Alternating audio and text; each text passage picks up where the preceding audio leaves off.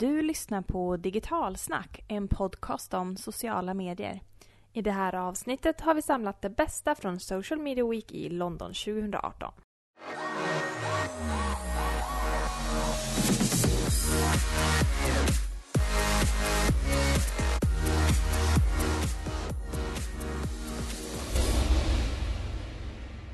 Hej kära vänner och lyssnare av Digitalsnackpodden som idag blir lite internationell. Vi Ja. har ju hängt i London. Ja, vi var ju i London tidigare i november på Social Media Week.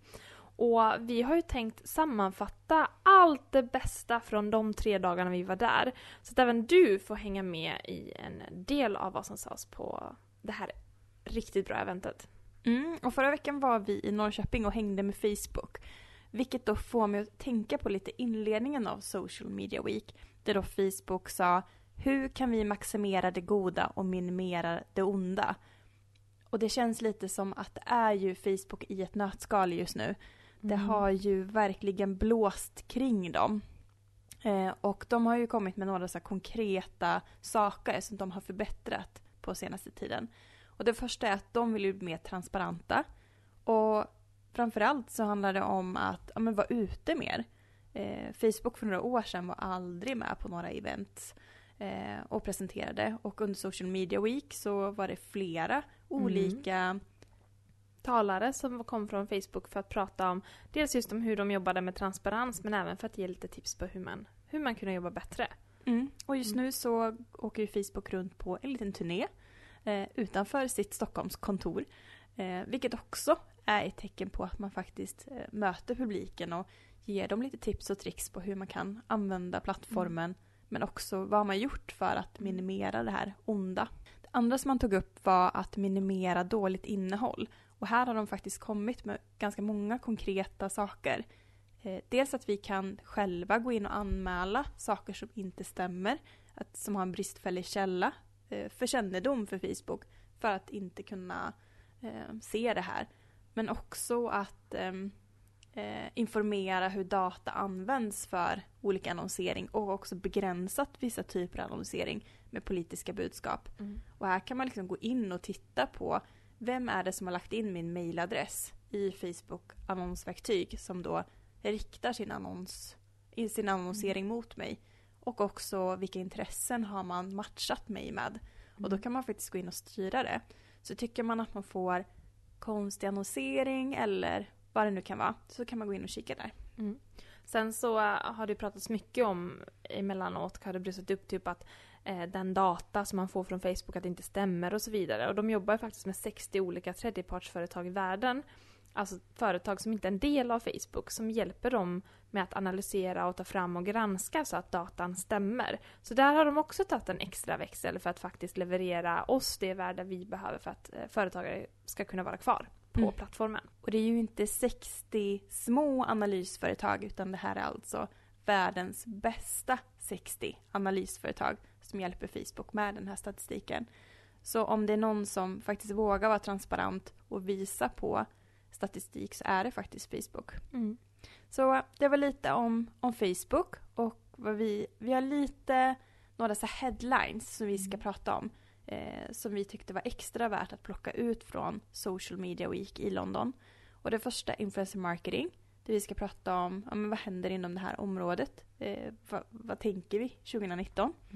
Eh, Generation Z var ju en av de mest populära spåren som var under veckan. Psykologi Mm. ett favoritämne som jag har faktiskt. Om du har mätning och analys så tycker jag psykologi är fantastiskt coolt. Ehm, så det ska vi också prata lite om. Och sen har vi ju din babys, mätning och analys. Och sen dark social. Ehm, men om vi tänker på influencer marketing så var det ett litet buzzword som kom upp där. Som är integrated approach. Och vad betyder ju det här? Jo, exempelvis att man är då en influencer så blir det mer viktigt under nästa år framförallt. Men vi ser att det blir mer och mer eh, att det känns äkta för influencers i olika samarbeten. Så att det räcker inte med att eh, Bianca Ingrosso står och posar med en mascara utan mer att influencers ska visa hur man använder mascaran eller ögonskuggan eller vad det kan vara. Så att man integrerar produkten eller samarbetet som en naturlig del i sitt flöde och inte som en liksom, reklambild. Mm. Det här måste jag säga att typ Kylie Jenner gör väldigt bra. För hon har ett eget sminkmärke.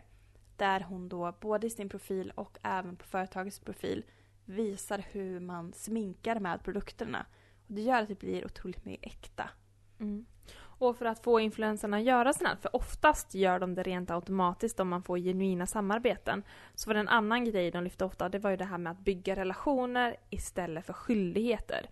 Och det vi menar med skyldighet är att företag genuint eller ofta brukar tendera att vilja ha en lista på krav som influencers ska göra. Det ska skrivas på ett visst sätt, fotot ska vara på ett visst sätt.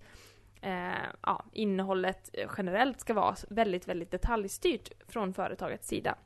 Och här är, lyckas man bättre om man då försöker bygga varma relationer med influencers och ge dem lite mer eh, kreativt space att göra sina eh, inlägg. För i slutändan är det ju faktiskt så att influensen känner till sin målgrupp allra, allra bäst. Så hen har ju superbra koll på vad målgruppen gillar och vad de går igång på.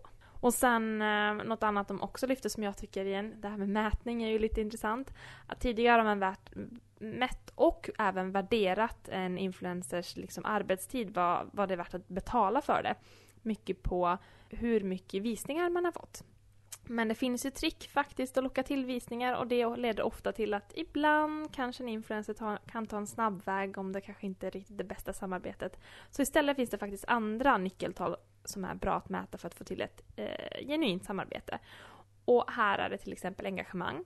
Vilken typ av engagemang är det? Inte bara allmänna woho i tråden, utan vad är det de säger? Säger de fina saker om produkten eller tjänsten eller vad det är? Att mäta istället, vad är det för effekt influensen faktiskt skapar istället för bara mäta hur många som har sett ett innehåll.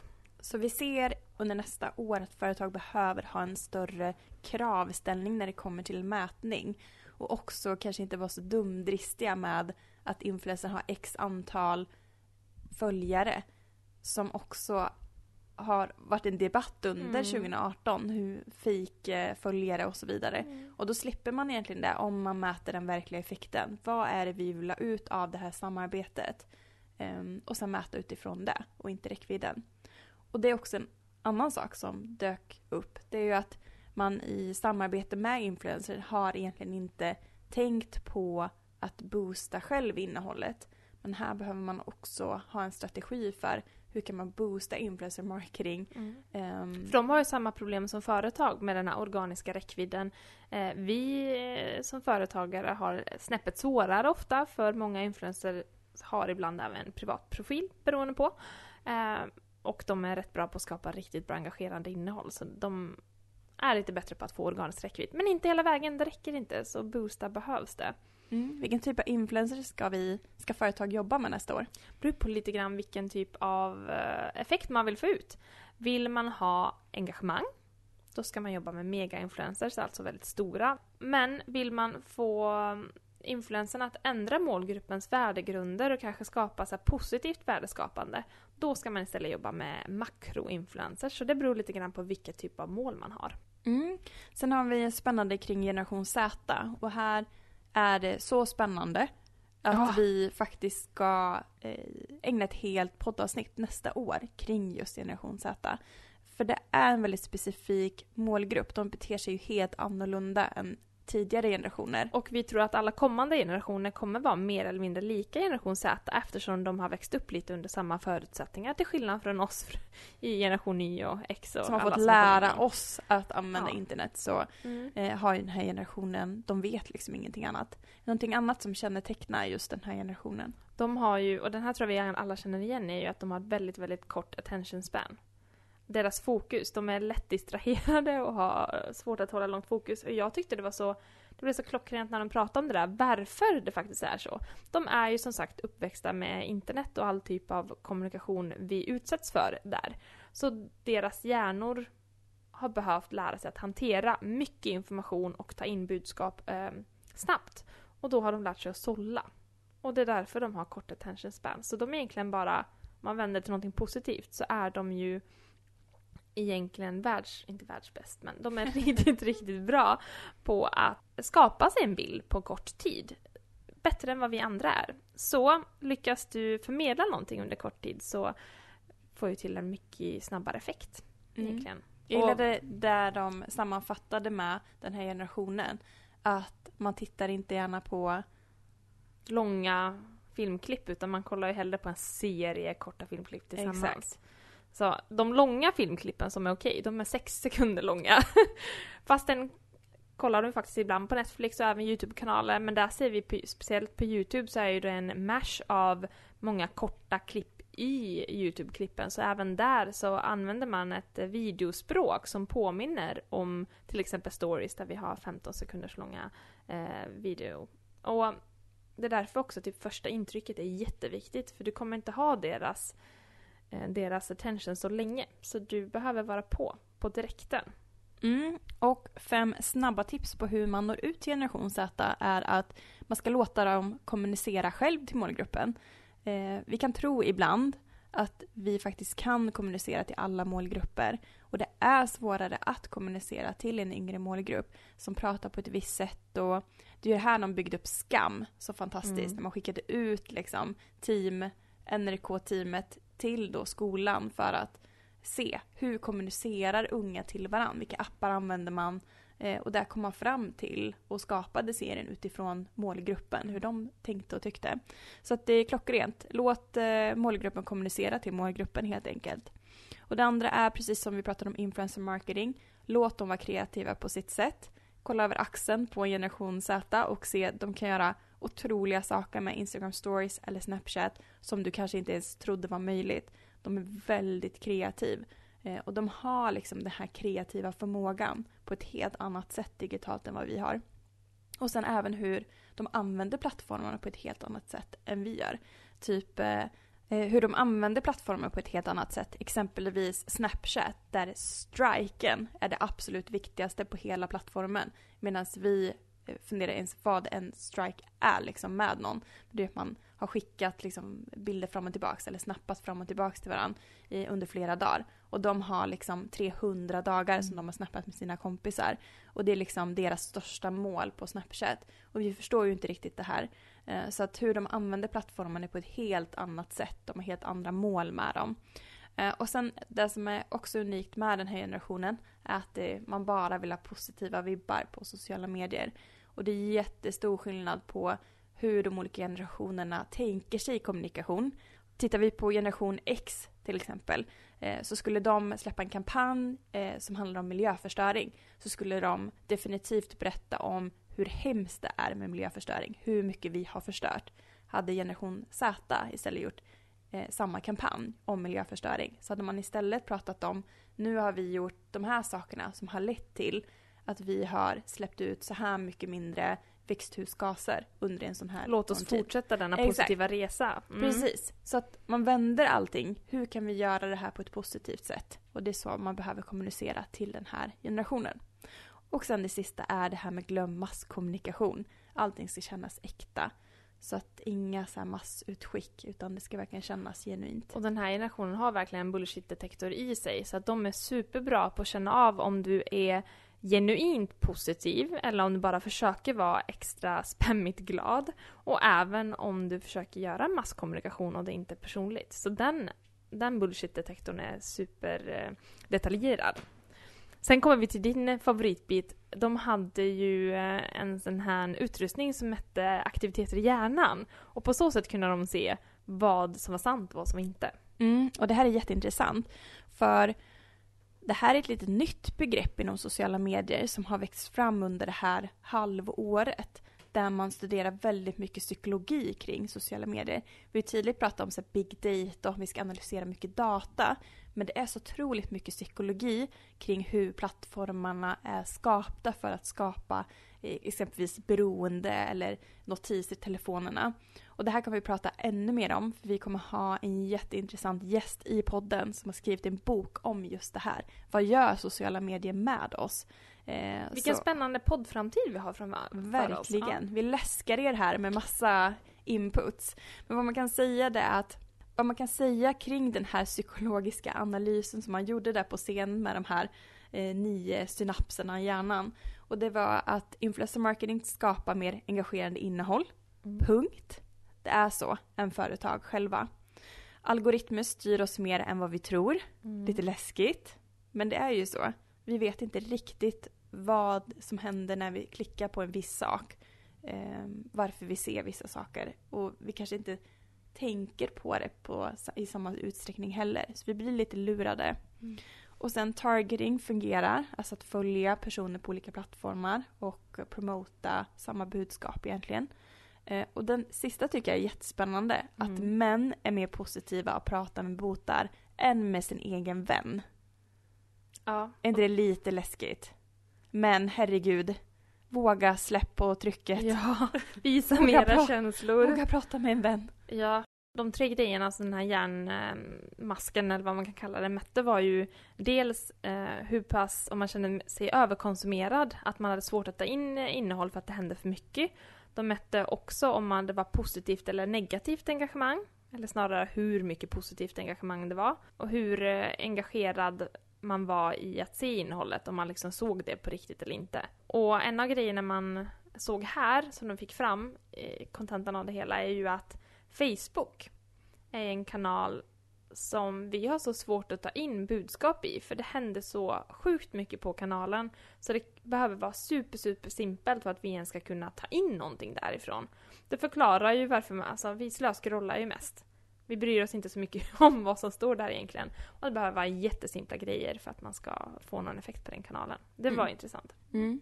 Jag tänker också hur Facebook är uppbyggt. Om man, om man jämför med andra kanaler som WeChat som är jättepopulärt i Kina.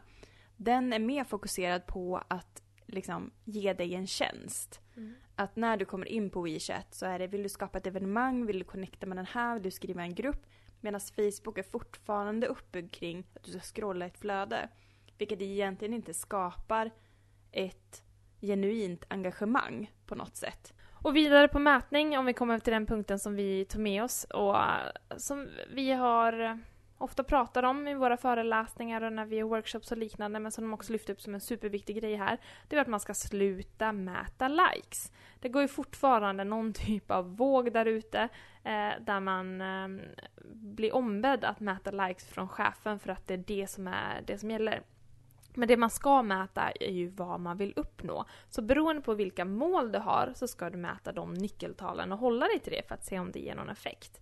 Så några exempel om sa att engagemang är ju ett bra verktyg att jobba med men det är egentligen inte ett nyckeltal som du ska mäta som målsättning. Vi jobbar jättemycket med engagemang för det med hjälp av engagemang man kan få en hög räckvidd till exempel. Så är målet att få en räckvidd och komma ut då är engagemang ett bra verktyg till det.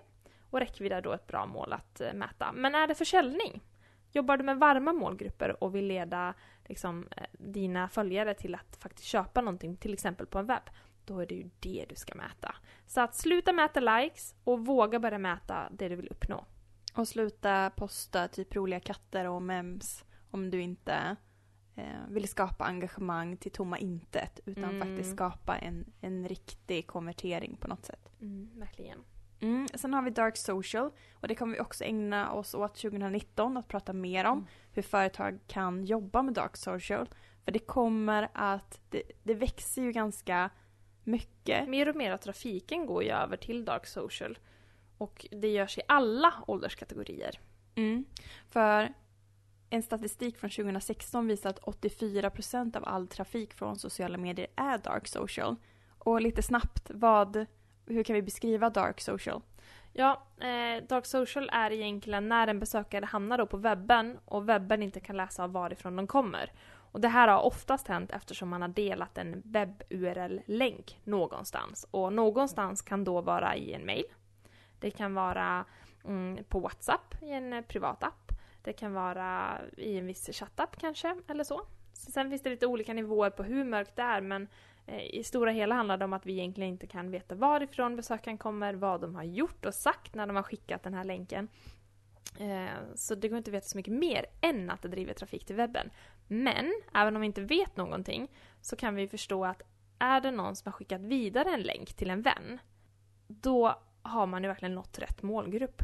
För att idag kräver det väldigt mycket innan man skickar någonting. För det man skickar till sina vänner, det är genuina tips oftast. Så mm. det är en mm. bra trafik. Precis, vi får tänka att beteendet här har också förändrats. För många frågar oss här, hur kan jag få folk att dela inlägg? Men folk delar inte inlägg längre. I alla fall inte om man är under 30, 36. Och inte offentligt, man delar privat. Exakt. Och det är det som är dark social. Mm. Så att när jag får upp en, en, ett inlägg eller en artikel om exempelvis mätning och analys, då tänker jag ju på dig. Eh, och då kopierar jag ju länken och så skickar jag den till dig. Typ via Messenger eller Hangout, eller vad det nu kan vara. Mm. Någon typ av chatt. Eh, Uppskattas så mycket. Och då blir ju jag, sen när jag går in på den webben så blir jag ju en dark social aktivitet. Och det här mm. går ju att mäta lite grann vilken typ av eh, social medieaktivitet som leder till hög eh, dark social. Och det är egentligen att du bara lägger på en tidslinje så mäter du all aktivitet du gör i alla social mediekanaler och sen mäter du också på webben eh, det som har varit, eh, om du kollar på trafiken, varifrån trafiken har förvärvats. Så där finns det något som heter Direct i Google Analytics. Och eh, ser du då att på vissa ställen där du har haft en hög aktivitet i sociala medier att det också lett till en hög dark social så kan du börja fundera på vad är det för typer av aktiviteter du gjort som ledde till den här piken inom dark social. Och så. man ska inte tänka att dark social är begränsning utan egentligen det finns väldigt mycket möjligheter här mm. i framtiden. Så... Spännande att se vad som kommer hända med det och hur företag kommer tackla den här delen att mäta och utnyttja det för att få ännu mer effekt. Mm. Och vi kommer återkomma med några fantastiska poddavsnitt framöver där vi kommer djupdyka i generation Z, dark social men också psykologin. Hur eh, hjärnan beter sig när vi hänger på sociala medier. Mm. Men tills dess, tusen tack för att ni lyssnade på det här avsnittet och gillade ni det får ni gärna eh, kommentera eller likea eller vad ni nu föredrar att göra. Tills dess, tack, tack och hej!